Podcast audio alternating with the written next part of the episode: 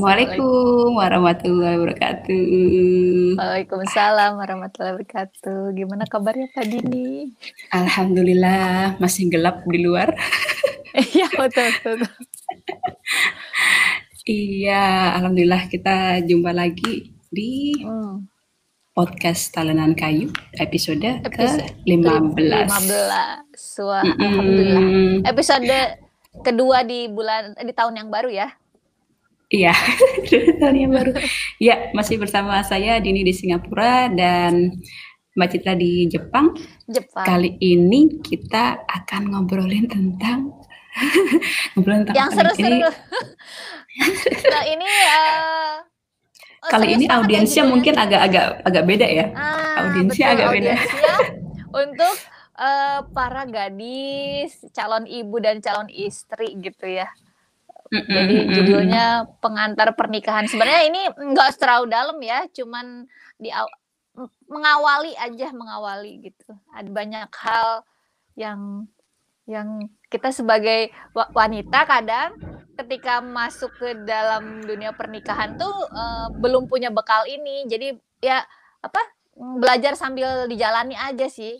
Tapi kan lebih baik lagi kalau eh, kita ngasih tahu sama yang belum masuk gerbang pernikahan nih, jadi mereka bisa prepare dan lain-lain gitu. Ah, Karena betul, betul, pernikahan itu eh, nggak hanya apa tuh kalau kata Mbak Dini mm, nggak hanya selesai pesta pernikahan udah betul. gitu Ah, tapi emang itu tuh adalah itu bukan start ya. bukan garis finish. Iya, betul. Hmm, betul betul betul. Tapi awal dari tantangan-tantangan baru gitu. Hmm, dan mungkin ini ya, jadi eh, kita niatnya sharing di sini bukan bukan berarti kita lebih tahu sama sekali enggak, Betul. tapi eh, kita sharing karena eh, kita yang duluan. Nah, anggap saja Ah, karena ya kita yang duluan Duluan duluan menjalani mengalami gitu ya istilah ya. eh, pernah ada salah-salah jadi ngasih tahu nih jangan ke situ ya beloknya gitu.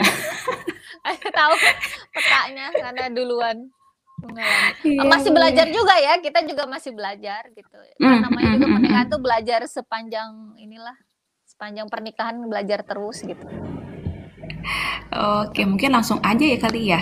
Hmm, Eh, siap siap kita siap. share si ini nih. Em, ini kita punya sedikit eh, presentasi ya. Nanti teman-teman yang kalau dengerin ini dari Anchor bisa cek presentasinya di eh, YouTube channel kita. Oke. Siap. Sudah Jadi kelihatan belum ya? Ntar kita pakai di present aja kayak. jadi ini sebenarnya ini eh, materinya tuh pernah s- saya obrol-obrolin sama teman-teman saya yang mau menikah dan butuh gitu. Sebenarnya makanya ada tulisan manajemen rumah tangga ya itu sudah luas ya, tapi kita hanya meng- membahas dikit lah gitu dari seluruh manajemen rumah tangga. Jadi ada apa ilmu-ilmu yang ilmu-ilmu lain gitu ya yang harus kita Hmm, lalui. betul, Nah, betul. jadi kadang eh, kalau kita tanya ya sama orang yang mau menikah tuh, udah eh, nyiapin pernikahan belum? Apa aja disiapin? Yang kadang pikiran kita tuh kan hanya persiapan resepsi aja ya. Oh iya, iya. tabungan udah cukup, persiapan resepsi. Pokoknya pikirannya difokuskan hanya untuk catering gitu ya. Hmm, catering, Undangan. baju, kondangan gitu kan, fotonya, dokumentasi dan lain-lain. Terus eh, tapi ada juga yang ta- eh, lebih dari itu kan, setelah menikahan udah ada persiapan apa, tapi persiapannya selalu jawabnya juga oh iya ada rumah, ada mobil, gitu kan materi ya semuanya gitu, mat, eh, fisik gitu terlihat gitu. Terus ada juga yang ah dijalanin aja nggak perlu nggak perlu persiapan jalan aja bagai air mengalir atau persia eh, yang penting modalnya cinta katanya gitu kan. Terus terus bahkan ada yang nanya ah perlu persiapan? gitu kan. Ah ya udah dijalanin aja gitu. Tapi kan enggak eh, s- makanya kenapa pernikahan itu eh, menggenapkan separuh tiang agama kan ya kalau saya nggak salah. Karena eh, apa tuh im- kalau nasihat teman saya selalu tuh karena imbalannya surga gitu. Jadi kalau imbalan surga itu ya tentu eh, uji bukan ujian ya tantangannya tuh tidak apa ya ya tidak uh, bukan nggak gitu. gampang uh, kalau gampang kata temen tuh kalau gampang uh, ini aja apa uh, payung cantik aja gitu katanya ini hadiahnya jadi uh, itu yang uh, kalau misalnya ya bukan berarti pernikahan tuh nggak mulus terus atau mulus terus gitu uh, selalu ada tantangannya tapi ya itu yang menguatkan kita gitu ya bahwa um, itu imbalannya surga gitu. Jadi kalau imbalan surga ya perlu persiapan juga yang matang bukan kayak gitu sih. Terus tuh next ya kita. Uh, oh ya next. Nah kadang hmm, kalau sudah ditanya ditanya diri sendiri nih uh, apa yang udah saya ketahui tentang pernikahan gitu kan. Terus tuh perlu nggak ya saya uh, bekal sebelum menikah gitu. Terus tuh kok jadi saya pernah juga cerita, uh, cerita gitu sama anak gadis gitu. Kadang anak-anak gadis ini suka curhat ya, uh, ketika mereka masih kebingungan untuk memilih jodoh atau apa mungkin karena saya pernah uh, ya pernah gagal berumah, berumah tangga. Jadi kadang saya share hikmah-hikmah di balik itu gitu. Jadi jadi ketika saya kasih tahu ini kita harus gini, harus gini, ada juga yang ini, aduh kok nikah ribet ya? Gitu katanya. Uh, jadi uh, kita harus merubah sudut pandang itu, enggak enggak ribet tapi apa pun yang kita lakukan nggak hanya pernikahan ya kadang mau sekolah mau apa. Kalau persiapannya matang uh, istilahnya keberhasilan itu kan akan lebih ini ya lebih besar peluang keberhasilan gitu. Jadi persiapan yang baik itu akan me, mm, keberhasilan yang ini gitu jadi ya termasuk pernikahan kadang hal-hal seperti khususnya pernikahan tuh kadang jarang ya Mbak Din dibahas gitu bekal-bekalnya mm jarang dibahas kita di kita hanya dimasukkan dalam pernikahan ya udah masuk aja gitu. Uh, yang kita jalani adalah pola-pola orang tua kita yang orang tua kita lakukan gitu kan. Pola-pola berkeluarga gitu. Uh, kenapa perlu kita perlu kita belajar lagi karena uh, supaya kita tahu mana dasar-dasar yang benar dan baik kayak gitu. Bahkan bisa jadi kita bisa lebih baik dari orang tua kita mengelola rumah tangga gitu kan harapannya gitu. Iya. Yeah. Uh, berikutnya apa aja sih gitu yang dipelajari sebenarnya? Jadi uh, sebenarnya kita mau, nah kenapa harus belajar? Nah kenapa harus belajar? Karena setiap tahun, apalagi sejak pandemi ini kan ya, jadi tiap tahun itu angka perceraian di Indonesia sangat tinggi. Mungkin kalian pernah lihat waktu pandemi ini ada video yang viral di Jawa Barat ya soal uh, apa tuh uh, pengadilan agama yang ngantri ngantri banget gitu untuk sidang. Jadi supaya perbandingan ya, tahun saya 2010, saya kan 2009 2010 ya sidang. Itu saya nunggu di ruang sidang itu cuman saya sendiri dalam seharian itu. nggak ada lagi yang sidang. Orang yang sidang. Tapi hmm. waktu ada teman saya tahun 2018 2018 teman saya itu sidang dan saya tuh dalam di dalam ruang sidang tuh bisa berjam-jam kan karena lama. Itu teman saya eh, di ruang sidang tahun 2018 itu per 15 menit ngantrinya. Jadi harus cepat-cepat di dalam ruang sidang karena 15 menit lagi ada orang lagi yang sidang. Ya itu kan uh, astagfirullahaladzim banget ya apa um, udah berubahnya dunia gitu ya. Jadi terus apalagi di tahun ini nih data ya, data 2019 sama 2020 itu Ya itu tambah tinggi apalagi pandemi gini ya, uh, jadi rata-rata di ini data faktor penyebab perceraian itu adalah pertengkaran jadi faktor komunikasi ya, pertengkaran dan perselisihan terus-menerus sama ekonomi. Apalagi kalau tahun 2020 ini soal ekonomi saat pandemi kan banyak perubahan ya, banyak yang resign, banyak yang kalau usaha banyak yang uh, iya, betul nggak lancar seperti sebelumnya. Jadi itulah. Hmm. Jadi mm, kalau mau nggak mau berpengaruh juga ya.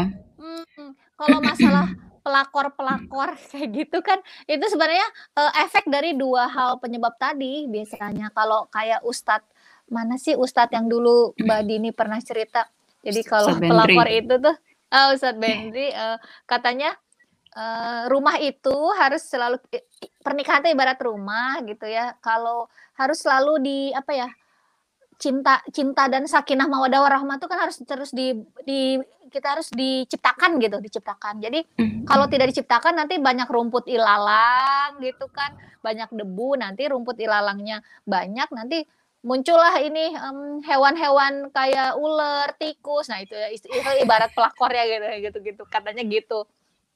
Jadi ya masalah ternyata harus ada usaha dari kita gitu ya. Hmm, jadi eh, kalau nggak salah tuh cinta itu katanya hanya bertahan berapa sih? Tiga tahun apa? Selanjutnya tuh kan komitmen gitu. Katanya sih, saya juga udah baru baru aja menikah jadi cuman teori-teori doang. Gimana Mbak Dini? Jadi komitmen itu yang bikin panjang tuh komitmen. Jadi kalau ada yang Iya, mengaku modal cinta doang tuh ya sebenarnya sulit itu karena eh, hormon apanya sih yang membangkitkan cinta tuh hanya bertahan berapa tahun aja gitu. Katanya sih begitu. Terus Hmm. eh, berikutnya makanya kenapa belajar ini penting ya karena hal-hal itu. Terus eh, mungkin berikutnya aja kali ya. Eh, nah, ini? Nah, apa ini Oh, Mbak? ini adalah eh, apa sih manajemen manajemen. rumah tangga gitu. Jadi manajemen rumah tangga itu disamakan dengan eh, manajemen perusahaan. Jadi anggaplah bukannya ini ya, bukan terlalu serius Hmm. ya. Jadi ya namanya juga manajemen. Manajemen itu kan selalu terdiri dari perencanaan, planning, organizing, eh, controlling, koordinasi, sama commanding. Commanding ini istilahnya eh, jadi ada yang berbagi peran lah, berbagi peran. Kan Mm-mm. ada istilahnya eh, ibu itu kan manajer rumah tangga ya. Manajer Operasional. pelaksana ya, hmm, operasional tapi eh, direkturnya itu tetap suami kayak gitu. Jadi ketika s- eh, kita tahu peran masing-masing dan peran itu berjalan dengan baik itu makanya jadi lancar gitu pernikahan kayak gitu. Jadi eh, manajemen rumah tangga tuh ya seperti perusahaan lah. Jadi kita eh, tahu eh, ketika hak dan kewajiban suami dan istri saling tahu kan hak dan kewajiban dijalankan dengan baik eh, ya insya Allah lancar gitu. Jadi jadi pengaturannya tuh ya seperti itu. Jadi kalau ketika kita memandang rumah tangga itu manaj secara manajerial, jadi eh, proses pelaksanaan hariannya, jadi insya Allah eh, akan lancar kan kayak gitu. Itu sih sebenarnya.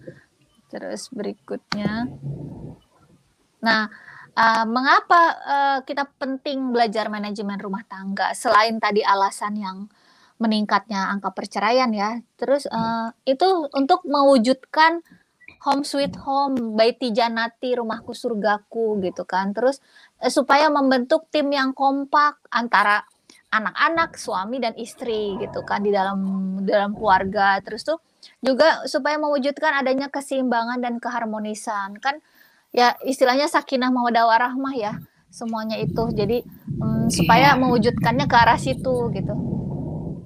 Gitu. Oh, Mungkin kalau Mbak Dini mau nambah boleh. eh, i- enggak ini Pak, eh, yang tentang home sweet home itu kan eh, memang betul ya, maksudnya Hmm. setel- di dalam pernikahan itu penting juga menjaga bahwa rumah kita tuh jadi tempat yang aman dan Hmm. menyenangkan gitu kan ya Iya, untuk betul, betul, untuk orang-orangnya kembali ke situ gitu. Hmm, betul betul. Itu eh, kat- eh, pernah dengar kalau nggak salah ya, eh, istilahnya kenakalan remaja itu juga ada faktor ya itu dia tidak bisa rumah tuh bukan tempat yang betah ah, untuk dia pulang betah. gitu. Hmm, jadi jadi eh, inilah apa? Ya itu namanya rumah ya. eh, di tem- rumah itu kan eh, home sama house ya. Rumah itu bisa fisik, tapi juga rumah itu bisa juga eh, tempat yang tenang untuk pulang gitu. Ya itulah apa keluarga ya keluarga gitu. Iya, iya, Dan bener-bener. per- peradaban kan dimulai dari keluarga ya. Peradaban Iya, bangsa itu yang eh, kayak ah, seperti ah. komunitas kita tuh. Jadi ya gimana eh, membentuk rumah yang nyaman, aman, sakinah mawadah warahmah Betul, betul, iya iya sih. Lah, Kita lanjut ya, yuk ya kita lanjut lanjut. lagi. Nah, apa aja sih yang dipelajari? Nah, ini banyak banget sebenarnya. Langsung pingsan. tapi tapi eh, ini tuh kita belajar sambil jalan kan gitu ya. Ada Ah, tantangan iya. apa ya belajar di situ gitu kan. Tapi sebenarnya Eh, semuanya ini hmm, betul sih. Maksudnya nah, Iya, semuanya betul. betul. Terus yang nanti teman-temannya dengar, astagfirullah, Mbak. Ya sekali. Tapi iya sebenarnya betul ya. Apalagi ilmu pengetahuan semakin berkembang ya. Jadi ilmu-ilmu iya. pengetahuan di luar di luar rumah tangga itu bisa masuk gitu. Jadi kayak tadi manajemen perusahaan kita bisa menganggap rumah itu seperti perusahaan ada controlling, ada perencanaan, ada ada organizing ya gitu-gitu kan. Jadi mungkin ini mungkin sebenarnya ini ya Mbak. Hmm, uh, mau nambahin dikit. Jadi uh, memang memang bidangnya banyak kan, beda bidangnya uh -huh. tuh banyak. Tapi uh. Uh, mungkin bisa dibilang uh, di satu waktu kadang-kadang kita perlu memfokuskan beberapa bidang saja uh, ketimbang betul, bidang betul, yang betul. lain gitu kan ya. Jadi memang uh, bertahap betul, ya betul. belajarnya gitu. Uh, Akhirnya betul, betul. belajarnya juga bertahap. Uh, dan itu tuh gini, kadang ketika kita fokus satu hal itu, insya Allah akan efeknya ke hal yang berikutnya yang lain gitu. Kayak misalnya belajar komunikasi, ketika komunikasi lancar, udah namanya kan komunikasi produktif lah. Ketika komunikasi dengan pasangan dan dengan anak lancar, akan memudahkan juga uh, yang manajemen-manajemen lainnya gitu. Misalnya manajemen konflik gitu kan. Terus tuh uh, ya hal-hal lain termasuk keuangan karena manajemen keuangan kan butuh komunikasi juga ya. Jadi menurut saya sih komunikasi yeah, yeah. lumayan penting ya, lumayan penting. Ada beberapa yang gitu. jadi fondasi sih sepertinya ya. Hmm. Ya betul betul betul. Uh, uh. Nah, jadi ini beberapa hal terus tuh tapi saya juga menemukan ini uh, ada di buku ini iklan deh, ko buku komunitas kita uh, tentang 12 apa 12 sampai 10 hal dasar yang harus dipelajari gitu. Ya ini yang komunikasi produktif, parenting, manajemen oh, menu 10 harian. Uh, itu di eh, buku eh, Bunda tergantung bunda sayang atau bunda cekatan. Jadi uh, kalau di bukunya uh, bukunya komunitas ibu profesional memang kan beda beda topik ya. Jadi satu topik yeah, iya. tentang yeah. mengasuh anak, pengasuhan anak itu ada 12 uh. 12 bidang ya. 12 uh. bidang sedangkan yang bunda cekatan itu pengas, pengaturan manajemen rumah tangga rumah, ya, ya itu uh, manajemen betul, rumah betul. itu di situ juga dibahas tentang 12 bidang juga sih. Hmm, Tuh. Betul. Hmm. Luas sebenarnya luas ya, tapi uh, kita ya, belajar luas. apa yang kita butuhkan saat ini misalnya gitu kan saat awal apa yang kita butuhkan itu aja dulu dipelajari kan gitu ya. Uh, jadi akhirnya nanti masih apa akan terkait dengan ini ya kali uh, pemilihan prioritas juga ya mbak ya. Hmm betul betul betul. Nah itu. Oke kita lanjut lagi nih mbak Citra. Oke. Boleh boleh. Nah nah ini uh, ini sebagian aja ya kita bahas ya Mbak ya. Oh, ada satu sih yang kema tadi kita bahas nanti aja apa ya? Yang itu, yang itu yang oh, tidak iya, ada iya. ditulis di nanti terakhir ya, terakhir. Nah, ini uh, ini sebagian aja ya, sebagiannya kita mau bahas uh, hanya manajemen waktu dan finansial. Uh, karena kebetulan waktu kami di kelas uh, Bunda Cekatan itu kita butuh ini gitu, kita butuh belajar ini, butuh prioritas belajar ini. Jadi mm, ada tipsnya. Saya nemukan artikel salah satu anggota uh, Bunda Cekatan. Saya lupa uh, ininya uh, nama beliau. Jadi uh, saya mohon izin. Jadi tipsnya manajemen waktu itu sebenarnya uh, uh, dan memang ternyata memang ketika kami laksanakan memang itu sih yang penting ya Mbak ya. Uh, menunaikan hak Allah dulu. Jadi kebutuhan spiritual gitu. Jadi di saat pagi hari apa sebelum subuh kita sholat uh, sunnah gitu ya. Setelah uh, waktunya duha sholat duha dulu. Apa menunaikan hak hak Allah dulu mendahulukan uh, sholat tepat waktu kayak gitu. Jadi ketika kita ibadah-ibadah kita tepat waktu insya Allah um, manajemen waktu yang lainnya pun akan lancar. Terus kadang Allah akan memberi keberkahan dalam waktu kita. Jadi ketika kita per, setiap orang kan diberi waktu 24 jam ya, tapi bagaimana kita memanfaatkan betul, maksimal. Jadi ketika yang saya rasakan ketika kita menunaikan hal Allah uh, banyak keberkahan. Misalnya kayak biasanya satu jam cuman bisa selesai berapa kok sekarang banyak yang bisa dikerjakan dalam waktu yang singkat kayak gitu. Jadi itu sih ya, menurut saya ya. yang namanya berkah waktu ya. Terus Di, dilancarkan ya sebenarnya ya. Ya dilancarkan Insya Allah dilancarkan ya betul betul. Oh, betul betul. Kemudian menunaikan hak anak. Jadi uh, setelah itu menunaikan hak anak ya seperti uh, waktunya dia makan, apa apalagi yang masih bayi dan balita ya. Jadi hmm. ditunaikan dulu kebutuhan mereka. Karena sebenarnya memang benar ya sebagai ibu-ibu tuh kalau anak masih rewel kita nggak bisa ngerjain yang lain-lain kan ya. Jadinya kita cukupkan dulu kebutuhan dia udah beres udah mandi udah makan udah tuh diem tuh. Nanti baru kita bisa ngerjain yang lain tuh misalnya. Kayak gitu. Terus tuh uh, terus uh, menunaikan hak rumah dan keluarga itu termasuk uh, ini ya uh, hak rumah tuh ya bebersih beberes. Ya, udah anak tuh udah kenyang udah apa? Nah, kita beberes apa gitu kan. Uh, bikin sarapan atau apa-apa uh, buat suami hmm, atau apa gitu. Terus nyuci tuh, nyuci piring ya gitu-gitu lah ah, itu berbenah lah. Itu ada manajemennya lagi ya mbak ya? Manajemen berbenah. Iya. Terus uh, terus tuh uh, kemudian baru menunaikan diri sendiri menunaikan hak pengembangan diri. Kita sebagai walaupun udah jadi ibu belum uh, enggak apa be, tidak membatasi diri kita untuk berkembang terus ya Mbak ya. Mm-hmm. Karena uh, ya sebagai manajemen manajer rumah tangga kita butuh nambah ilmu, update ilmu dan juga kebutuhan pribadi kita supaya kita apa ya ada rasa apa ya Mbak ya. Hmm, kadang orang menganggap sekedar ibu hanya oh hanya ibu gitu kan hanya ibu rumah tangga gitu. Uh, kita juga punya hak pengembangan diri supaya yeah. Apa ya ada rasa percaya diri oh, juga oh. terus tuh ini Mbak, maaf uh, nambahin. Jadi ingat, jadi ingat uh, ba baru minggu lalu kalau nggak salah ya sempat sempat hmm. lihat postingan di Facebook yang habis itu hmm. habis itu di repost tentang ini nih apa uh, seorang ibu, istilahnya gini artinya seorang ibu hmm. yang marah hmm. itu biasanya uh, karena ada kebutuhan dirinya yang belum terpenuhi ah, gitu kan. Ah, itu. Nah, itu oh, uh, iya. Betul-betul ini soal gelas kosong dan gelas isi. Jadi e, ibu itu kan selalu memberi ya, memberi sama anak, sama suami, sama semua hmm. orang. Tapi melayani. kalau gelas uh, melayani, jadi gelas istilahnya kita punya gelas yang terisi penuh, kita melayani semua orang. Nanti kan habis. Nah, e, kalau kosong e, cara mengisinya gimana ya? Itu pengembangan diri tadi ya, cara mengisinya e, berbagai cara. Jadi meng mengisi kebahagiaan diri dulu. Jadi bukan bukan melayani semua orang baru kita bahagia, enggak salah. Uh, yang pertama tuh harus kita membahagiakan diri sendiri dulu dengan apa yang kita suka gitu baru uh, gelasnya tuh akan terisi penuh terus. Jadi kita akan lancar lah melayani orang dengan tanpa emosi ya. Tanpa emosi. Betul. Ya, betul, betul. Betul betul. Karena ada pemenuhan diri jadi yang ya, menentukan bahagia bukan orang lain ya, bukan suami, bukan anak, tapi mm, diri mm, sendiri mm, dulu ah, yang menentukan banget. bahagia itu betul betul.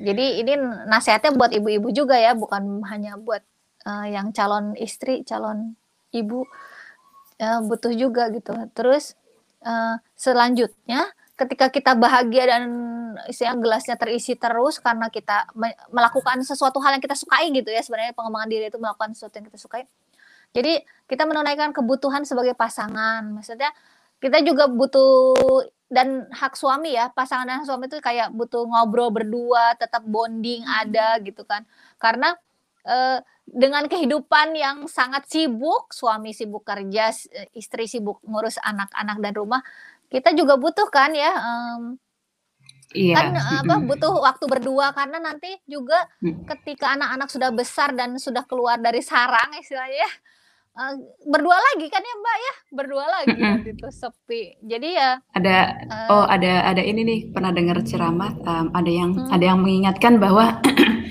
jangan tetap jaga kedekatan sama pasangan kita karena jangan sampai hmm. pada saat anak-anak sudah besar terus kita tuh hmm.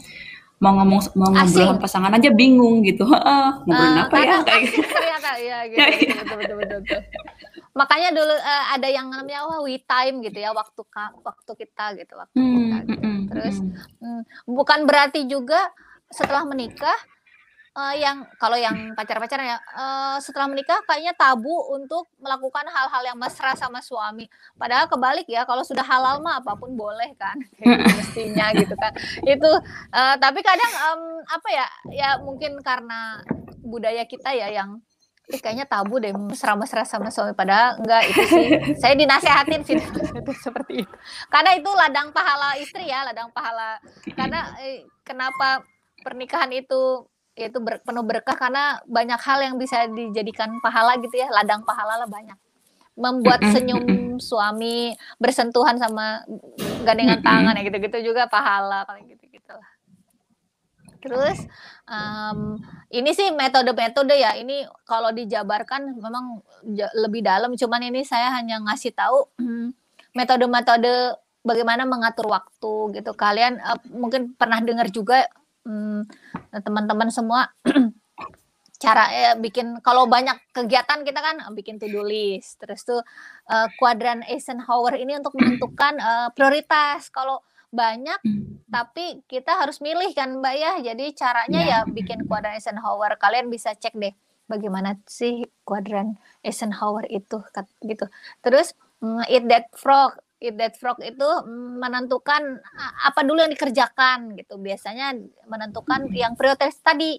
Jadi hmm. biasanya uh, kalau saya di mix semua metode ini, yang mana yang cocok aja gitu, yang mana yang cocok gitu kan, yang mana. Terus heat map, Mbak, map juga kok, adalah. Mbak Citra kok nggak nggak nyebut ini, nggak nyebut bullet journal di sini? Oh, oh iya betul. Jadi nah, sebenarnya semuanya ini semua metode ini dimasukkan masukin di bullet journal. Ah, masukkan jadi ini custom gitu, custom management waktu. Jadi semuanya dipakai gitu di bullet journal. Memang sih akhirnya ini ya apa tergantung orang senangnya yang mana gitu. Ada yang nggak pakai ah, jurnal nggak apa-apa, tapi tapi saya harus pakai jurnal kalau nggak oleng gitu, kalau nggak pegangan sama buku. Dan ini terbukti loh waktu saya sebenarnya kayak agak eksperimen gitu ya. Uh, ah coba seminggu pertama di Januari saya tidak memegang bullet jurnal saya. Ternyata saya banyak lupa, banyak lupa janji, lupa apa, lupa apa. Ya Allah kata saya nggak bisa, uh, memang otak kita nggak bisa menyimpan semua, apalagi udah seumur begini ya. Uh, otak kita hanya untuk me membangkitkan ide ya. Emang teteh umurnya berapa teh? Coba tebak bentar lagi mau kepala empat. Terus tuh, nah ini metode uh, kandang waktu, time blocking ya. Terus nanti kalian bisa belajar-belajar lagi lah. Atau nanti kita bahas di podcast-podcast berikutnya satu persatu bisa. Mungkin selanjutnya. Oh maaf mbak, ini Pomodoro, nah, bukan boleh, boleh. Podomoro. Oh, Podomoro ya? Pomodoro. Pomodoro ya? Oh, Pomodoro. Pomodoro. Oh, ya Allah. Pomodoro. Pomodoro. Pomodoro tuh yang per 20 menit kita uh, switch test, switch tugas yeah. gitu. Ada 20 istirahat. atau 25 menit lah. Intinya oh, pakai yeah. timer sih sebetulnya ya. Intinya pakai timer nah, terus ada apa? ada ada break break singkat sebelum Nah, ada jeda gitu. Hmm, kayak gitu kan. Untuk fokus oh. sebelum fokus ke kegiatan berikutnya. Hmm. Ini mau nambahin yang ini tentang uh, prioritas ya Eisenhower Matrix. Hmm. Ini kan tadi uh, salah satu metode untuk memilih prioritas berdasarkan hmm. uh, apa penting penting, penting. mendesak Uh, ah, penting dan mendesak ah. ya. Jadi penting mendesak, hmm. penting tidak mendesak, tidak penting mendesak, hmm. tidak penting tidak, tidak mendesak kayak gitu hmm. gitu kan. Nah, hmm. um, sebenarnya level berikutnya kalau misalnya hmm pemilahan seperti itu terasa masih overwhelming, masih kebanyakan kerjaan. Hmm. Hmm. Ini buku Essentialism itu yang hmm. yang pengen saya rekomen Gimana, banget gitu. Mbak? Jadi buku Essentialism ah. itu uh, karangan ah. Greg McKeown kalau nggak salah ya. Hmm itu uh, membahas tentang prioritas juga, tapi dia lebih hmm. dia istilahnya itu kayak kayak KonMari tapi lebih pada pikiran gitu Mbak. KonMari pikiran. Oh, kerennya. Jadi dia uh, memang benar-benar uh, dia dia nggak memilah nggak memilah uh, prioritas tapi dia mensortir dulu huh? gitu. Jadi dia kembalikan lagi ke awal. Uh. Sebenarnya kegiatan ini itu esensial banget nggak buat apa? kita? Oh, hmm, gitu. perlu nggak dikerjain gitu ya? Sebetulnya perlu nggak dikerjain gitu, bisa nggak dilepas sebetulnya kayak gitu. Jadi dia lebih pada uh, di zaman sekarang ini memilih. Kita itu uh, bukan memilih yang baik dari yang tidak baik, karena di zaman sekarang ini sudah banyak sekali yang baik-baik gitulah ya. Baik. Apalagi hmm. uh, uh, apalagi kayak kayak ya kayak sekarang kesempatan kesempatan menambah ilmu kan dari mana-mana tuh gitu kan. Banyak banget. Tapi tsunami nah, informasi malah.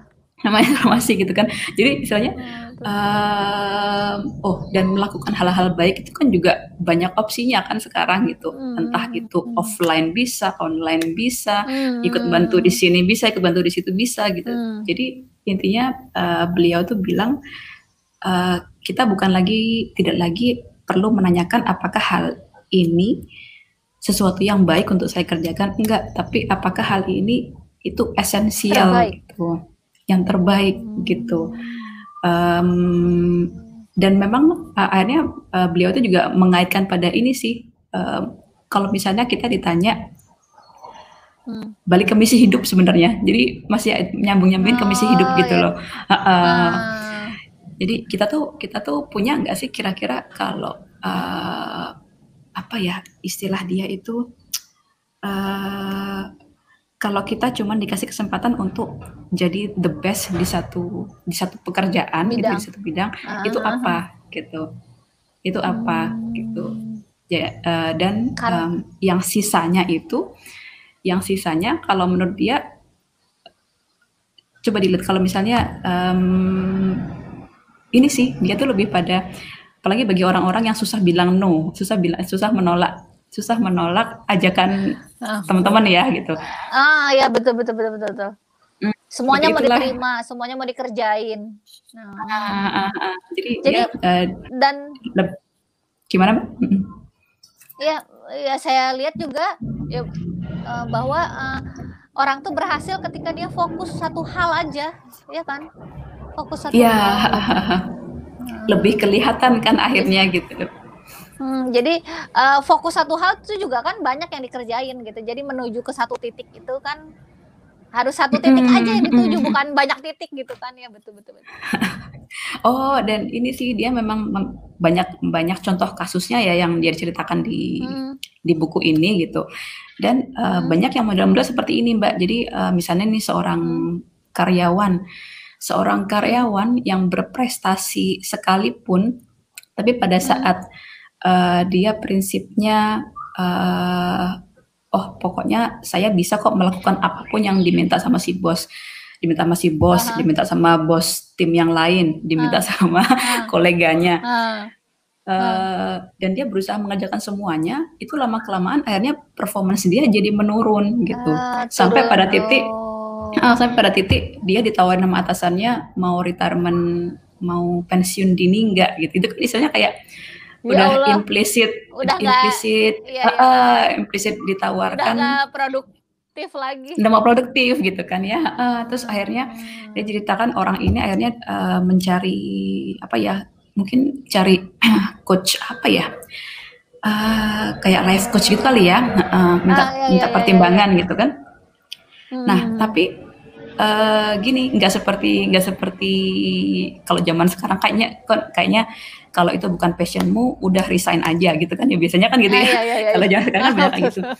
Nah, tapi si si coachnya ini uh, justru uh, memberi saran nggak hmm. stay di situ, tetap stay di company-nya, tapi coba nego sama uh, manajer dia gitu.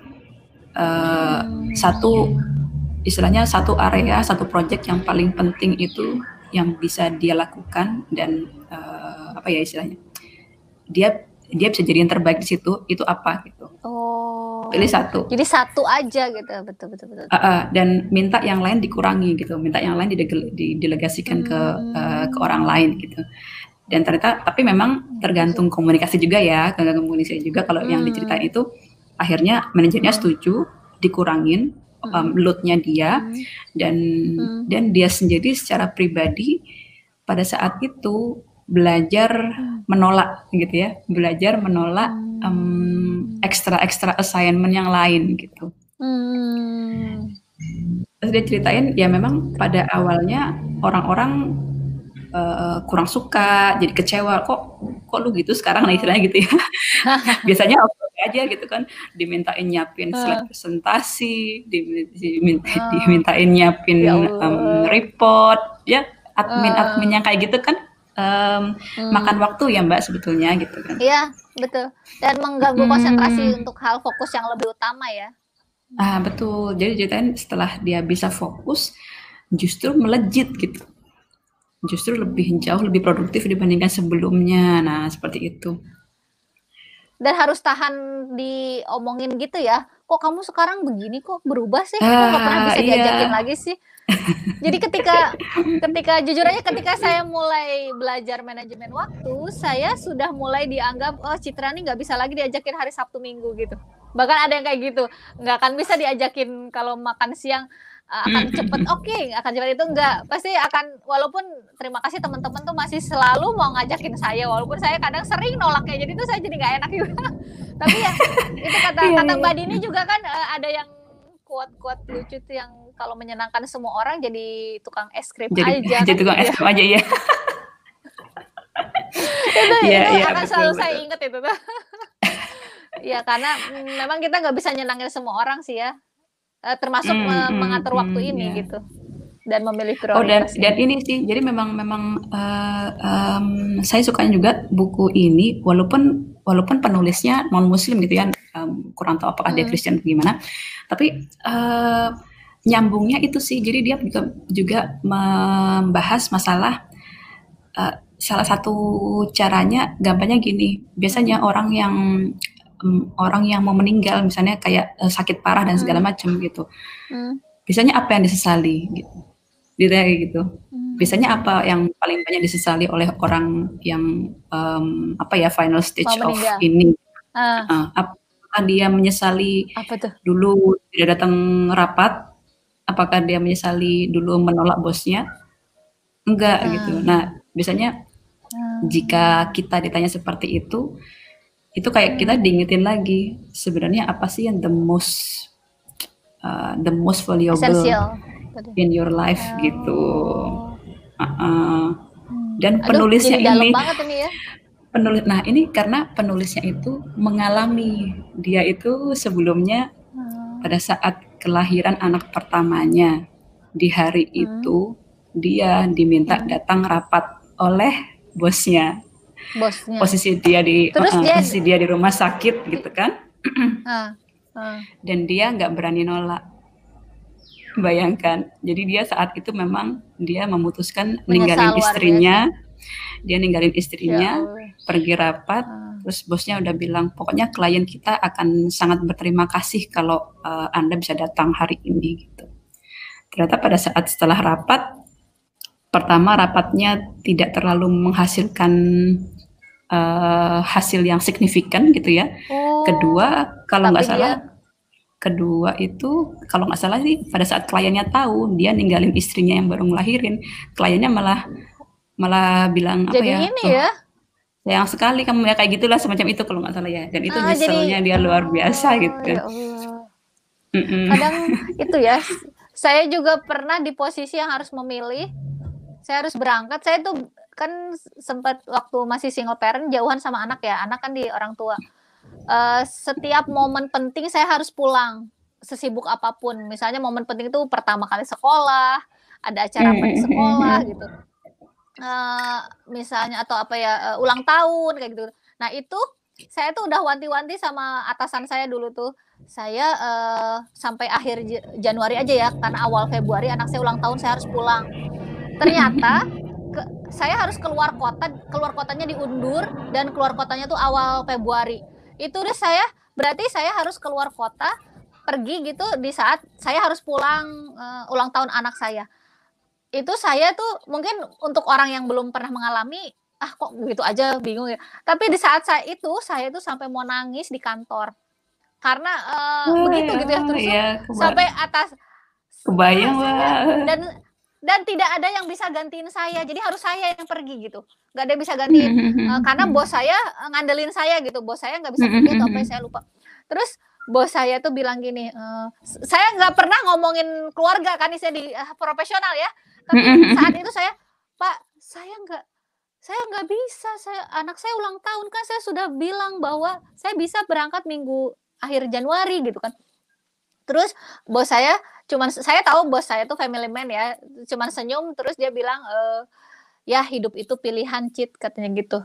Jadi kamu harus milih katanya gitu kan. Terus ket- aduh saya tuh karena nggak bisa milih saya tuh sempat yang ya sudahlah ya saya iyain aja sambil saya dalam rum, di pulang tuh wah galaunya luar biasa.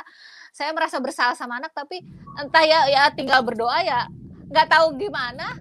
Ternyata saya bisa pulang uh, setelah saya pulang itu saya bisa berangkat keluar kotanya gitu. Nggak tahu gimana itu ya saya oh, lupa entah bosan ya ngaturin atau iya, iya, iya. akhirnya bisa lah dua-dua itu. Tapi di saat kondisi itu tuh saya tuh yang ini banget apa? Ya saya uh, ya itulah uh, sedih banget lah. Pokoknya kayak sedih banget yang tapi ya memang sih setelah mendengar cerita itu gitu. Terus uh, pengalaman suami saya yang sekarang juga tapi kalau dia mah um, dia mah prioritas udah tahu prioritas ya kalau laki-laki kan lebih logis ya. Walaupun mungkin dalam hatinya galau juga. Sering banget dia harus keluar kota karena uh, anak itu kan seminggu di dia seminggu di mantan istri. Sering banget dia di posisi saat dia harus keluar kota seminggu di saat anak harus di jadwal dia gitu. Jadi tapi kalau itu sih dia biasanya ini uh, biasanya uh, ya udah nggak uh, nggak keluar kota saya kayak gitu. Alasannya karena ada anak gitu. Tapi sering juga dia menemukan hal apa yang di posisi yang uh, harus gimana nih sama bos di saat bos harus harus keluar kota ini nggak bisa nih gitu. Jadi itu hal yang berat ya ketika harus yeah, pilih anak yeah. sama kerjaan gitu. Walaupun uh, sering kalinya ya soalnya gini kalau keluar kota kan uangnya tambah ya jadi eh, candaan kami tuh iya, berapa yeah, yeah. berapa juta nih yang kita eh, gitu. Tapi ya kebersamaan sama anak mau nggak bisa digantikan ya memang. Akhirnya gitu kan kebersamaan sama anak itu. Momen-momen anak tuh akan inget terus loh sampai besar tapi ya itu atasan kita emang ingat gitu. Kita sudah memberi iya. eh, tapi ya gitulah ya. karena banyak yang bisa gantiin kita mungkin ya di tapi tidak ada yang bisa gantiin kita sebagai ayah dan ibu ya di anak gitu kan Ya kita lanjut Itulah. lagi ya. Oke, kita lanjut ini. Jadi curhat. Tentang uang. ini suara saya kedengeran, Mbak ya? Suara kedengeran, kedengeran. Uh, oh ya, ini lanjut. Uh, kenapa ini penting juga manajemen finansial karena seperti kita ini uh, kita tuh di di dijeblosin ke dalam apa maksudnya dalam gerbang pernikahan tuh tanpa coba deh uh, pernah nggak sih sebelum menikah ngobrol yang soal uang ya sama calon suami? Kadang itu rasanya sungkan sungkannya sangat sungkan gitu kan ya. Uh, bagaimana ngobrolin uang tuh ya padahal finansial itu kan krusial dalam keluarga ya. Termasuk tadi salah satu hal uh, faktor penyebab perceraian tertinggi nomor duanya adalah ekonomi kan ya. Itu masalah uh, finansial pasti. Tapi uh, ngobrolin itu sebelum menikah itu rasanya sungkan sekali gitu kan. Uh, ngobrolin nikah tuh gini misalnya mm, kerja apa gajinya berapa uh, ada sumber lain gitu. Adakah punya hutang piutang aset hal-hal uh, itu sebenarnya sungkan ya dibahas ya. Uh, apalagi cewek nanyain gitu kan. Karena uh, uh, betul, betul. nafkah utama kan uh, yang suami kan pasti ya gitu ya. Mudahan kalau ada uh, laki-laki atau calon suami yang denger ya akan lebih terbuka juga ngobrolin ini gitu. Bias dan biasanya gini kalau udah calon suami tuh suka nanya gini, kamu mau tahu gaji saya? Pasti cewek-cewek tuh jawab, ah nanti aja. Karena sungkan, sungkan. iya, nah, padahal bilangnya iya. Gitu. nawarin gitu kan. Tapi uh, rasanya kok tapi ya uh, apa ya bukannya kita ini tapi bukannya kita matre ya bukan ya? Tapi ini kan supaya kita tahu kondisi keuangan gitu kondisi Strategi. keuangan yang akan kita jalani tadi nanti. Mm -mm, mm betul Terus, betul. supaya tahu bagaimana uh, karena gini kita kan ini seperti ini setiap orang memiliki pandangan mengenai uang yang berbeda-beda. Karena suami istri dibesarkan di lingkungan yang berbeda jadi kalau hmm. kita nggak bisa membicarakan soal uang di dalam keluarga, nanti akan timbul prasangka, "Wih, kok dia begitu ya?" gitu kan. "Saya kan pengennya begini, kok dia begitu." Jadi prasangka-prasangka itu merasa merasa ya itu komunikasi jadi macet ya. Oh, yeah. transparansi yang gitu-gitu. Bukannya kita pengen apa pengen apa ya, tapi supaya uh, ada kelancaran komunikasi itu termasuk hubungannya finansial dan kalau kan kita di kelas yang sama ya di kelas finansial kampus keuangan keluarga itu juga bahwa jadi kalau ada apa-apa dengan ketika perekonomian apalagi uh, suami kan yang paling utama ya uh, pem, apa yang untuk ekonomi.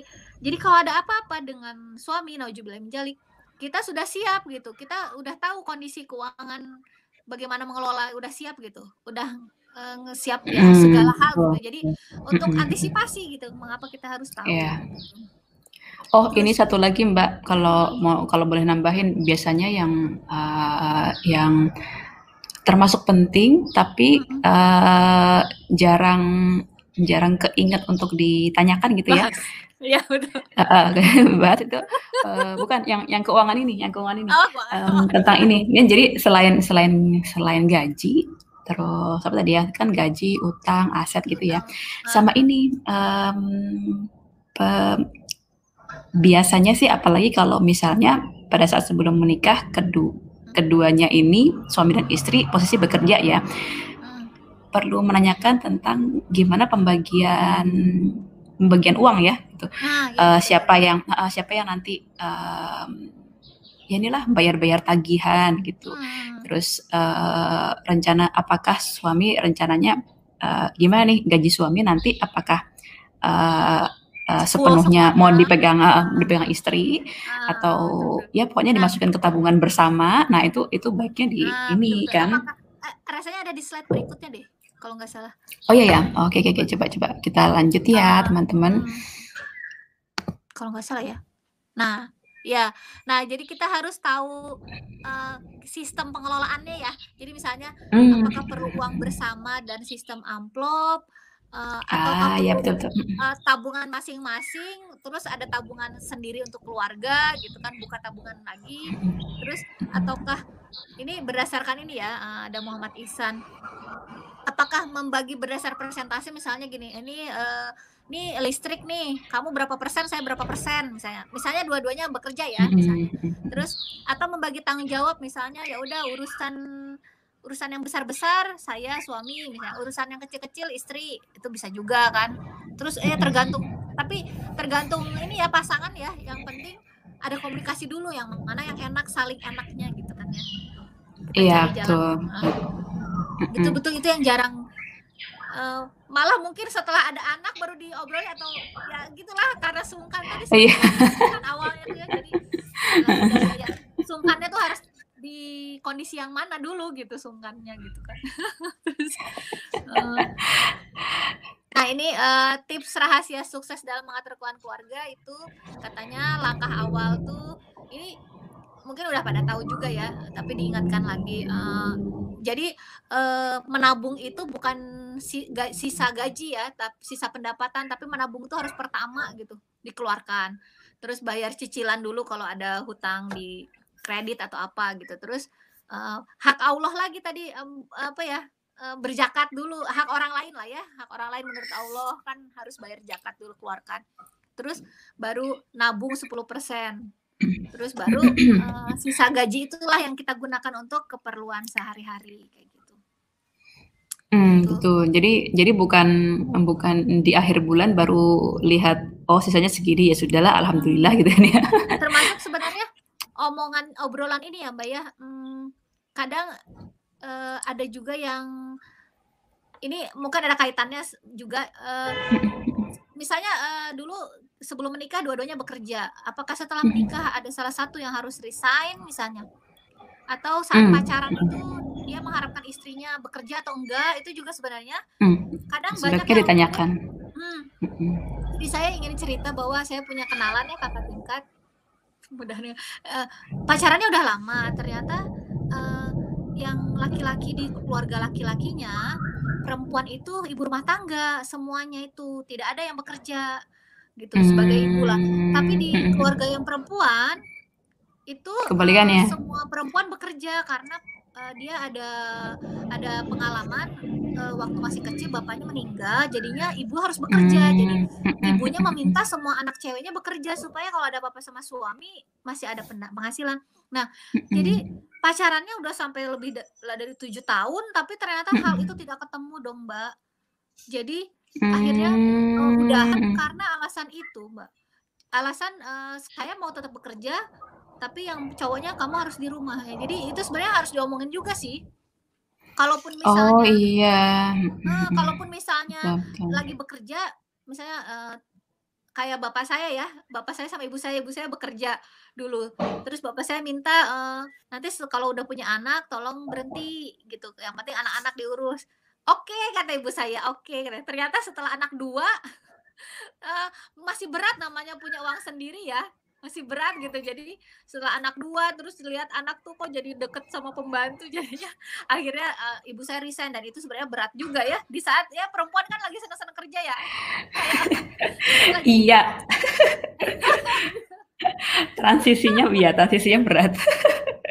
Aduh, eee, itu jadi, mmm, kegalauan ibu-ibu ya, tapi ya itu memang harus dibicarakan juga, jadi harus ridho dan ikhlas juga Betul gimana betul. baiknya misalnya.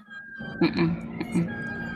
Balik ke komunikasi lagi sih sebenarnya ya. Nah itu, jadi makanya, eee, krusial ya, penting itu, eee, komunikasi sama Sama ini sih tentang keuangan itu juga, eee, satu hal, eee, kenapa sebaiknya kita, berusaha sinkronkan dengan pasangan dulu, Mhm. supaya kalau misalnya orang tua nanya itu, eee, kita bisa, apa ya, menjelaskan Satu gitu ya, suara. menjelaskan dengan satu suara dan menjelas soalnya gini, kadang-kadang orang tua itu punya punya pandangan yang berbeda dengan zaman kita. Ini suaraku kedengaran nggak sih? Kedengeran kedengeran. Nah ya, jadi misalnya, eee, contohnya gini ya, eee eee, zaman, mmm, zaman orang tuaku dulu, jadi kayaknya menurut menurut ibu itu, istri itu, eee, perlu tahu persis pendapatan suami gitu ya. Oh, heeh. Istilahnya kalau suaminya nggak ngasihin semuanya itu berarti ada yang kurang beres gitu istilahnya, gitu. Terus itu heeh, terus kan kalau zaman dulu kan dikasihnya mungkin cash ya, amplopan gitu Heeh. mungkin Oh ya. Kalau iya zaman betul, sekarang kan langsung sih, transfer gitu kan, betul. Jadi waktu itu pernah suatu hari, eee, ibu tuh menanyakan waktu itu, eee, aku masih kerja gitu kerja. Mhm. Suatu hari tuh ibu menanyakan karena, mmm, beliau melihat, eee, suami, ngasih nambahin uang belanja ke, eee, Mbak, eee, ART yang bantu-bantu kita Oh, gitu. ah. Gitu, heeh. Terus itu jadi jadi langsung ibu tuh mikirnya gini, "Loh kok suaminya Dini nggak ngasihin semua? Dia masih ada pegangan sendiri," gitu. "Kok sampai Oh. kok sampai, eee, Mbak ART, Masih dikasih uang dikasih. sama suami?" Gitu, heeh. Jadi Heeh. menurut ibu tuh pandangan ibu, harusnya istri itu yang pegang gitu. Kenapa semuanya nggak gitu dikan ya? heeh, gitu kan. Terus habis itu jadi waktu itu tuh, mmm, awalnya masih masih ego ya, maksudnya kayak, "Ya Heeh. ibu kan beda kalau zaman sekarang kan modelnya kan pakai ATM ibu, maksudnya nggak harus" Nah kayak gitu itu kan harusnya, eee, kita bisa, mmm, menjelaskan dengan baik ya gitu kalau kalau kita udah pernah diskusi sama suami sebelumnya. Nah seperti itulah contohnya ya. Betul betul betul betul betul betul.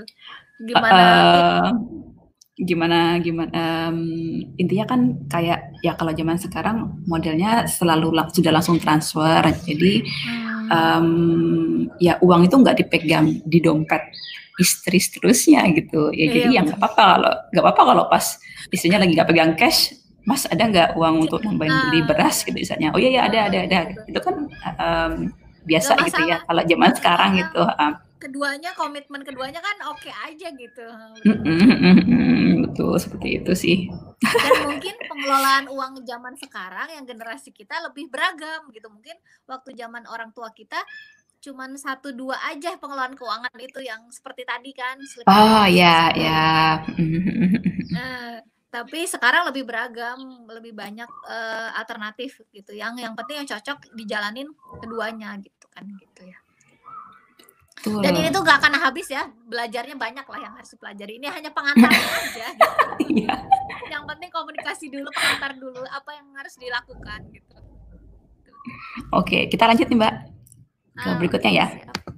Nah, ini sih, eee, entang tentang perencanaan keuangan ya.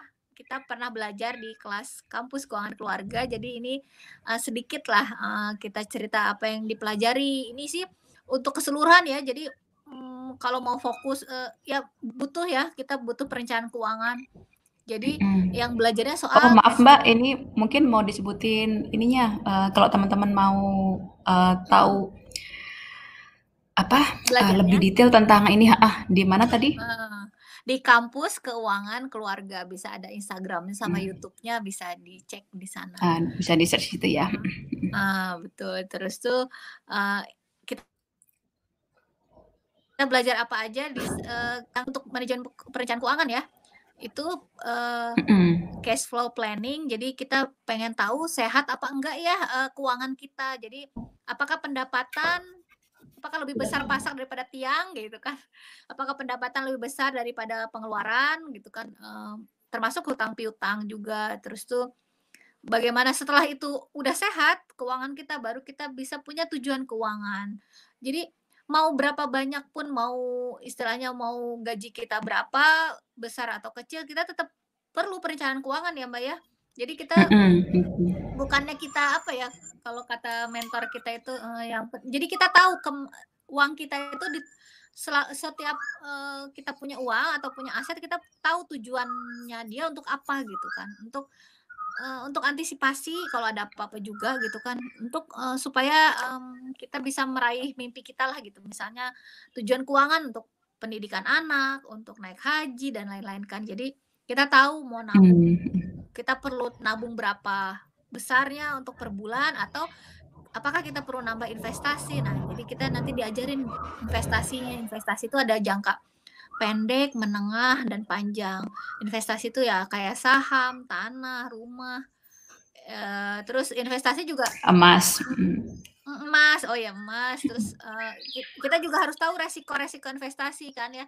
Kalau uh, keuntungannya besar, tentu resikonya juga tinggi. Jadi kita harus mempelajari resiko-resiko itu. Terus tuh untuk proteksi adalah kayak misalnya dana pensiun sama asuransi bagaimana kita uh, perlukah terus tuh uh, bagaimana uh, mengetahui gitu kan uh, mm -mm. karena uh, yaitu uh, apa yang harus dilakukan ya gitu gitulah nanti dibahas di situ terus tuh estate planning itu adalah perencanaan uh, setelah bagaimana aset-aset kita setelah kita tidak ada kayak istilah warisan ya bagaimana memindahkan itu ke uh, keturunan kita gitu ke generasi berikutnya atau yang keluarga gitu.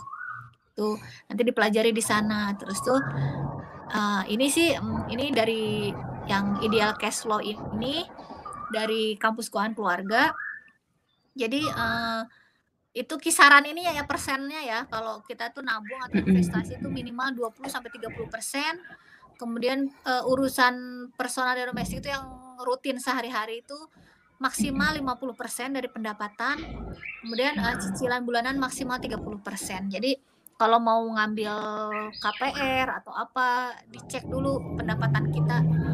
Cicilan harus maksimal 30%. Terus kalau nggak salah itu uh, kalau nggak salah tuh SPP eh bukan uh, dana pendidikan anak itu 10% dari yang personal dan domestik kalau nggak salah ya. Uh, iya, harus nggak salah dana pendidikan dari situ. Hmm.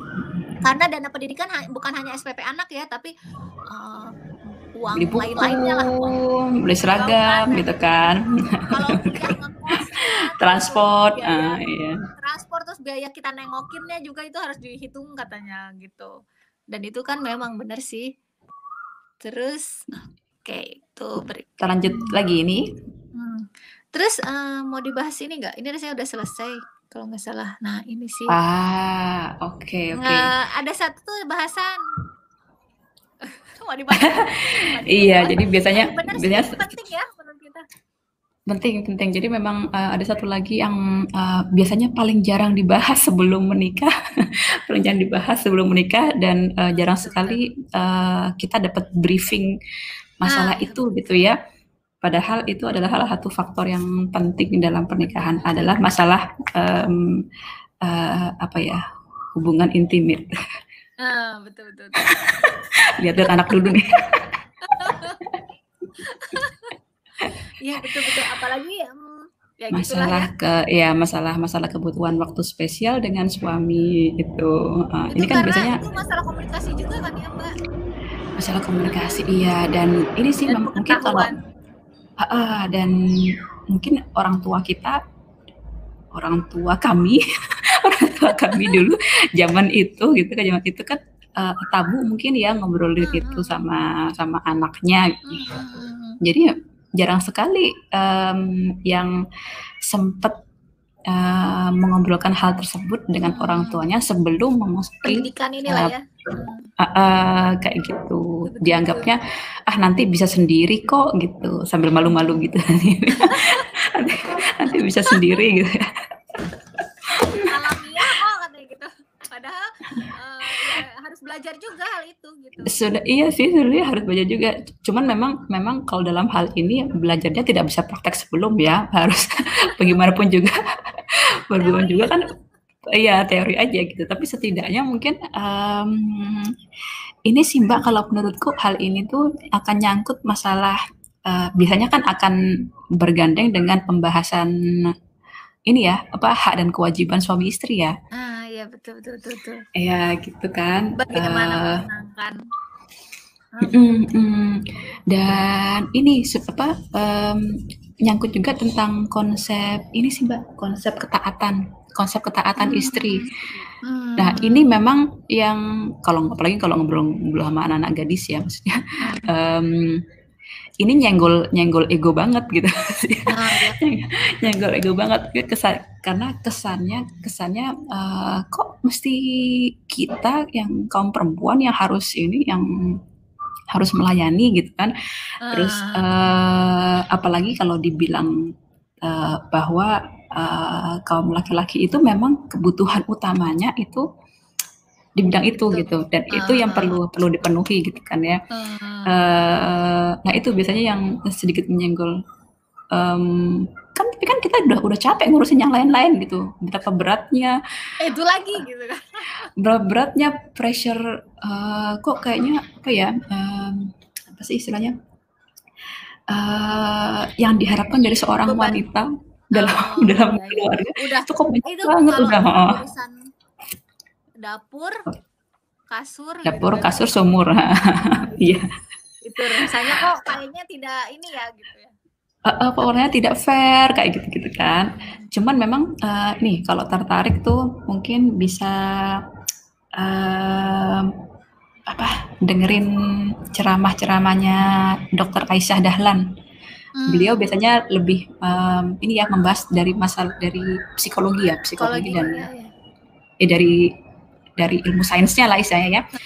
Perbedaan antara perbedaan antara uh, perempuan, perempuan dengan laki-laki gitu. Hmm. Jadi memang um, emang itu adalah sesuatu yang memang harus harus dipahami dan diterima. Aduh, dan diterima gitu. Menjaga menjaga supaya menjaga. gak cewek cewek uh, ya, apa um, harus belajar apa sih sebenarnya? Kalau di saya kalau di kan soal egois tadi ya. Kalau di saya itu hmm, harus ada komunikasi. Jadi saya ngelihatnya urusan itu ah betul. jika komunikasinya lancar untuk urusan itu uh, komunikasi di bidang lain di dalam rumah tangga akan lancar gitu. Uh, kalau ada yang nggak lancar di situ ada yang tadi berprasangka dan lain-lain gitu kan itu akan membuat macet yang hal lain yang lain-lain. karena itu Betul. itu karena itu karena itu yang paling apa ya paling transparan ya antara suami istri itulah gitu kan.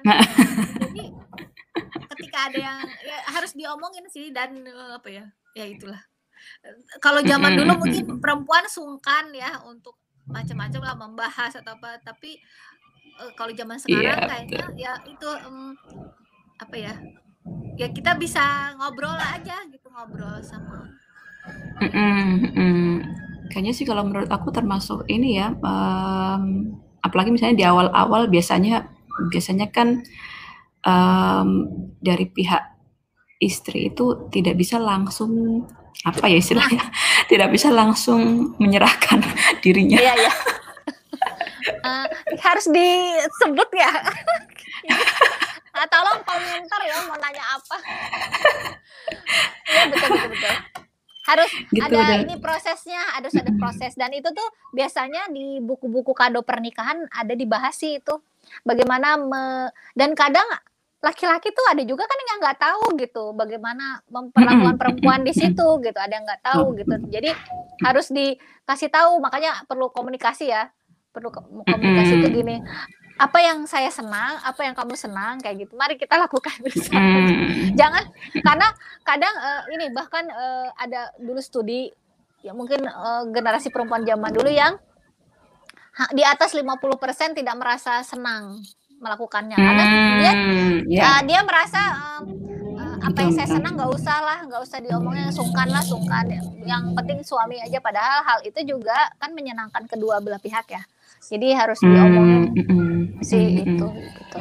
Terus uh, dan itu tuh um, mungkin juga pembahasannya juga luas juga gitu. Kalau ngobrol ngobrol iya. sama pasangan tuh luas gitu. Jadi nggak ada habisnya juga gitu. Jadi ya gitulah tapi wajar sih maksudnya uh, menurutku itu adalah hal yang wajar kalau uh, tidak mudah gitu ya. Tidak mudah bagi hmm. um, para wanitanya. Dan menurutku sampaikan aja pas pas di awal-awal hmm. dalam artian uh, istilahnya gini lah sebelum menikah nih misalnya nih ya, misalnya yang yang tidak pacaran ya hmm.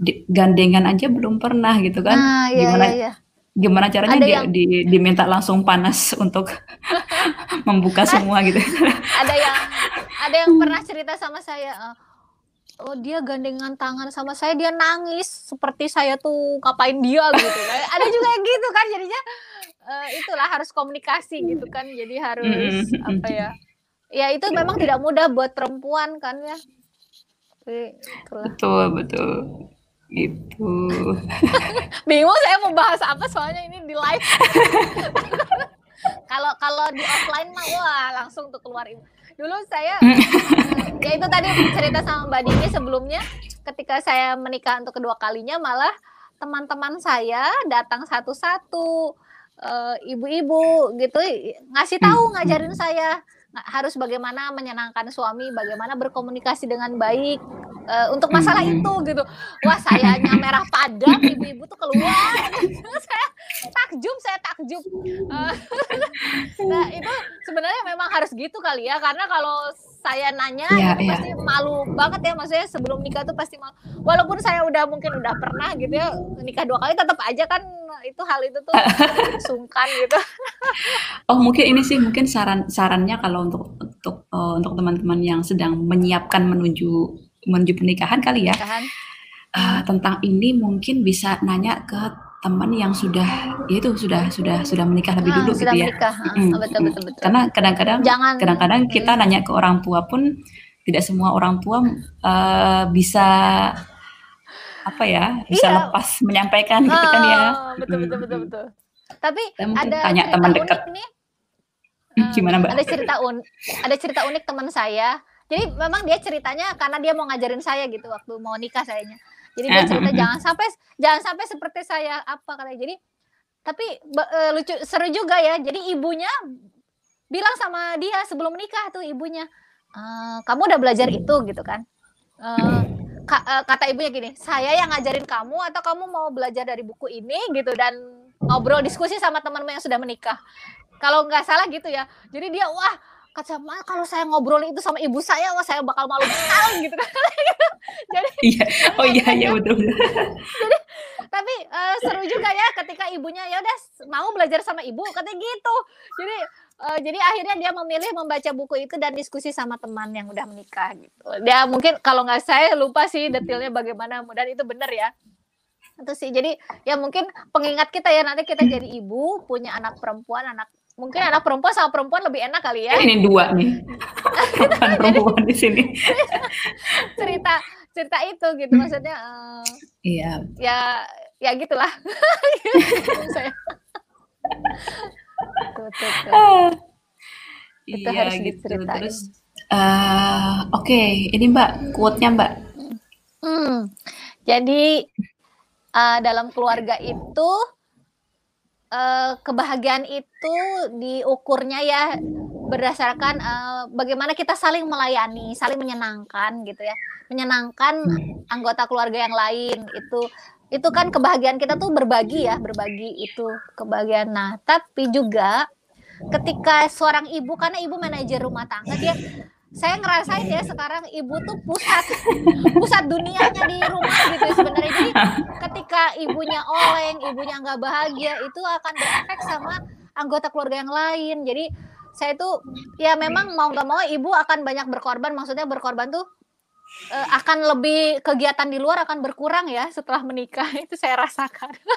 Dan jadi tapi tapi uh, ya tapi itu untuk supaya anak-anak tetap bahagia uh, bab uh, suami bahagia gitu urusan rumah lancar jadi ya memang ibu tuh harus senang dulu gitu harus uh, bahagia dulu, harus penuh dulu gelasnya gitu ya, biar dia bisa membagi uh, melayaninya dengan maksimal gitu. Jadi ketika ibu bahagia, keluarga keluarga lancar, ini bangsa pun akan uh, bagus gitu ya. Jadi uh, ini contoh ya uh, di di Jepang itu kan uh, hampir sebagian besar uh, menikahnya agak telat. Jadi rata-rata umur 30-an ke atas 30, 35 hmm, yeah. perempuannya karena mereka menyadari bahwa ketika menjadi ibu uh, mereka tuh harus fokus jadi ibu gitu. Harus fokus jadi ibu rumah tangga. Jadi memang bahkan ada kenalan saya yang udah S3 tapi dia ya udah jadi ibu rumah tangga gitu. Uh, udah uh, pendidikannya tinggi-tinggi jadi ibu rumah tangga. Karena mereka menyadari bahwa ketika rumah tuh berhasil uh, bangsanya pun akan berhasil gitu. Jadi itu pun disupport sama pemerintah bahwa itu ibu-ibu memang harus di rumah gitu. Ibu tuh harus di rumah harus banyak di rumah. Jadi uh, di Jepang itu uh, perempuan yang udah menikah ya jadi ini uh, ibu rumah tangga rata-rata. Dan kalau kalaupun mau bekerja nggak bisa bekerja full rata-rata mereka kerja part time jadi ada yang sudah S3 kerjanya oh, part time gitu. jadi kerja part time okay, okay, okay. tuh nah, kerja bahkan kerja di kampus misalnya ya tapi karena dia punya anak jadi ya kerjanya part time gitu. Kerjanya part time aja. Jadi uh, oh. dari hari hari hari tertentu aja atau jamnya jamnya dibatasi sampai jam berapa nggak akan full gitu nggak akan full gitu. Itulah uh, jadi ketika pemerintah mendukung bahwa memang keluarga itulah dari apa ya pondasi awal peradaban yang baik gitu ya. Jadi ketika keluarga keluarganya bagus gitu hmm, insya Allah bangsa pun akan baik gitu. Iya, karena menentukan uh, ya istilahnya generasi penerus itu kan awalnya dari anak-anak yang di rumah kita gitu kan ya. Betul betul betul. Dan nggak masalah ibu sekolah tinggi tapi di rumah gitu karena apa ya uh, katanya gini mendidik satu perempuan itu akan itu termasuk mendidik satu bangsa gitu ya kalau nggak salah. Tapi mendidik satu laki-laki itu mendidik satu orang kalau nggak salah ya nih ya saya lupa nih quote-nya. Tapi kalau Nanti kita kita diserang diserang orang-orang. Diserang bapak-bapak. Enggak tapi memang ada kok ada quote-nya uh, mendidik uh, satu perempuan iya, itu seperti iya, mendidik apa? satu generasi ya. Ah satu generasi akan mendidik satu generasi. Karena uh, dia akan mendidik yang perempuan juga dididik yang laki-laki. Maksudnya dia mendidik satu keluarga gitu kan ya. Perempuan itu akan mendidik satu keluarga gitu. Iya semangat para Betul sekali jadi uh, ini juga ya apa? Ya itu tadi surga kan balasannya insya Allah. insya Allah. Ini sudah selesai ya kak? Coba. Sudah sih. Oh iya. Ah. Ini referensinya. Hmm, okay. Jadi teman-teman silahkan komen ya apa gitu yang mau dibahas berikutnya atau ada yang mau dikoreksi silahkan mohon maaf ya kalau ada quote-quote yang Iya, alhamdulillah. Mudah-mudahan um, apa ya? Um, sekali lagi ini sharing ya dalam artian uh, bukan berarti kita yang paling tahu ah, atau betul. sudah sudah perfect enggak karena enggak memang um, lagi-lagi lagi-lagi bidangnya banyak ya gitu. Jadi um, bertahap ya Mbak Citra ya. Pendalamannya bertahap nah, gitu. Sambil belajar sambil jalan sambil belajar. Mhm, cuman mungkin yang yang pengen kita bagi di sini adalah, uh, sebenarnya proses-proses belajar setelah menikah itu justru makin, uh, lebih panjang gitu kan ya. Mhm, lebih intens gitu dan memang itulah kenapa, uh, dibilang, um, menikah itu menggenapkan tiang agama ya. betul betul betul. Karena emang, uh, tantangan betapa besar tantangannya, uh, menjaga ya istilahnya kalau kalau berumah tangga itu kan istilahnya seperti kita ngerjain teamwork kayak di kantor. Hmm. Hmm. Masalahnya teamwork ini kita nggak bisa keluar aja gitu. Maksudnya tidak tidak bisa Dan asal lama panjang seumur hidup. Ah, ah, ah, ah, ah, gitu. Insya Allah seumur hidup. Teamwork sebenarnya teamwork. Mhm.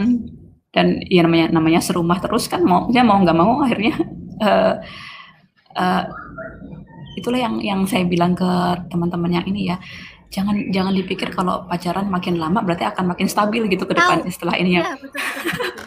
Bahkan setelah saya mengalami dua dua fase pernikahan gitu maksudnya gitu ya. Kalau yang ini kan nggak pacaran ya, yang setelah jadi waktu saya dulu pacaran tuh hampir lima tahun, itu nggak ada ngobrolin yang manajemen rumah tangga tuh nggak ada ngobrolin bagaimana mengelola keuangan, nggak ada ngobrolin gitu. Ngapain gitu itu, kalau yang dibahas tuh nggak yang gitu, yang maksudnya sebenarnya sebenarnya ya kalau mau gitu kan yang diobrolin kan yang hal-hal gitu kan, yang penting-penting dalam pernikahan. Itu sih sebenarnya. Jadi ya betul, jadi, uh, lama pacaran, durasi pacaran itu tidak mempengaruhi ini, gitu. Soalnya prakteknya setelah itu yang Yang lu kan kadang, eee, buk teori dan praktek tuh beda jauh gitu Ah, iya, iya. Itu itu saya rasakan ketika, eee, punya anak ya, punya anak pertama tuh, eee, saya udah hatam ada baby book tuh, baby book tuh yang tebel banget itu. Jadi itu semua 2 tahun pertama anak lah, saya Oh, iya iya. itu gitu ya, itu dari dokter apa saya lupa namanya baby book lah, bagus tuh. Tebel banget, terus saya baca, saya sudah percaya diri bahwa saya bisa melakukannya setelah anak lahir, lagi hamil tuh baca. Ternyata pas pas udah anak lahir tuh saya sampai sempat me apa ya, menyalahkan diri sendiri seperti ini, "Ngapain sekolah sampai S2 tapi nggak ngerti apa-apa?" Sampai kayak gitu. Ternyata beda banget praktek sama teori ya, tapi dijalanin aja tetap semangat gitu. Jangan sok pinter Iya. gitu, jangan sok pinter.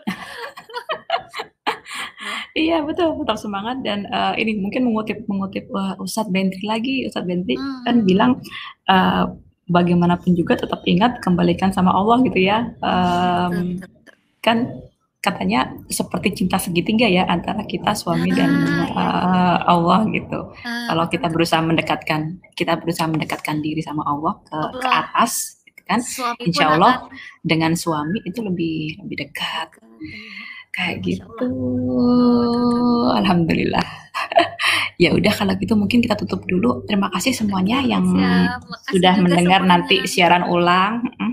Kalau ada Mhm. masukan boleh, Eh, silahkan ditulis silahkan di kolom, kolom komentar atau Japri yang punya kontak kita atau di DM di Instagramnya podcast Iya, oke. Okay. Assalamualaikum warahmatullahi wabarakatuh. Sampai jumpa lagi ya.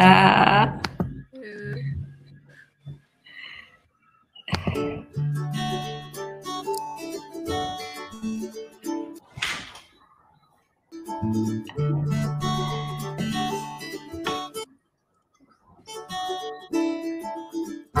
Thank you.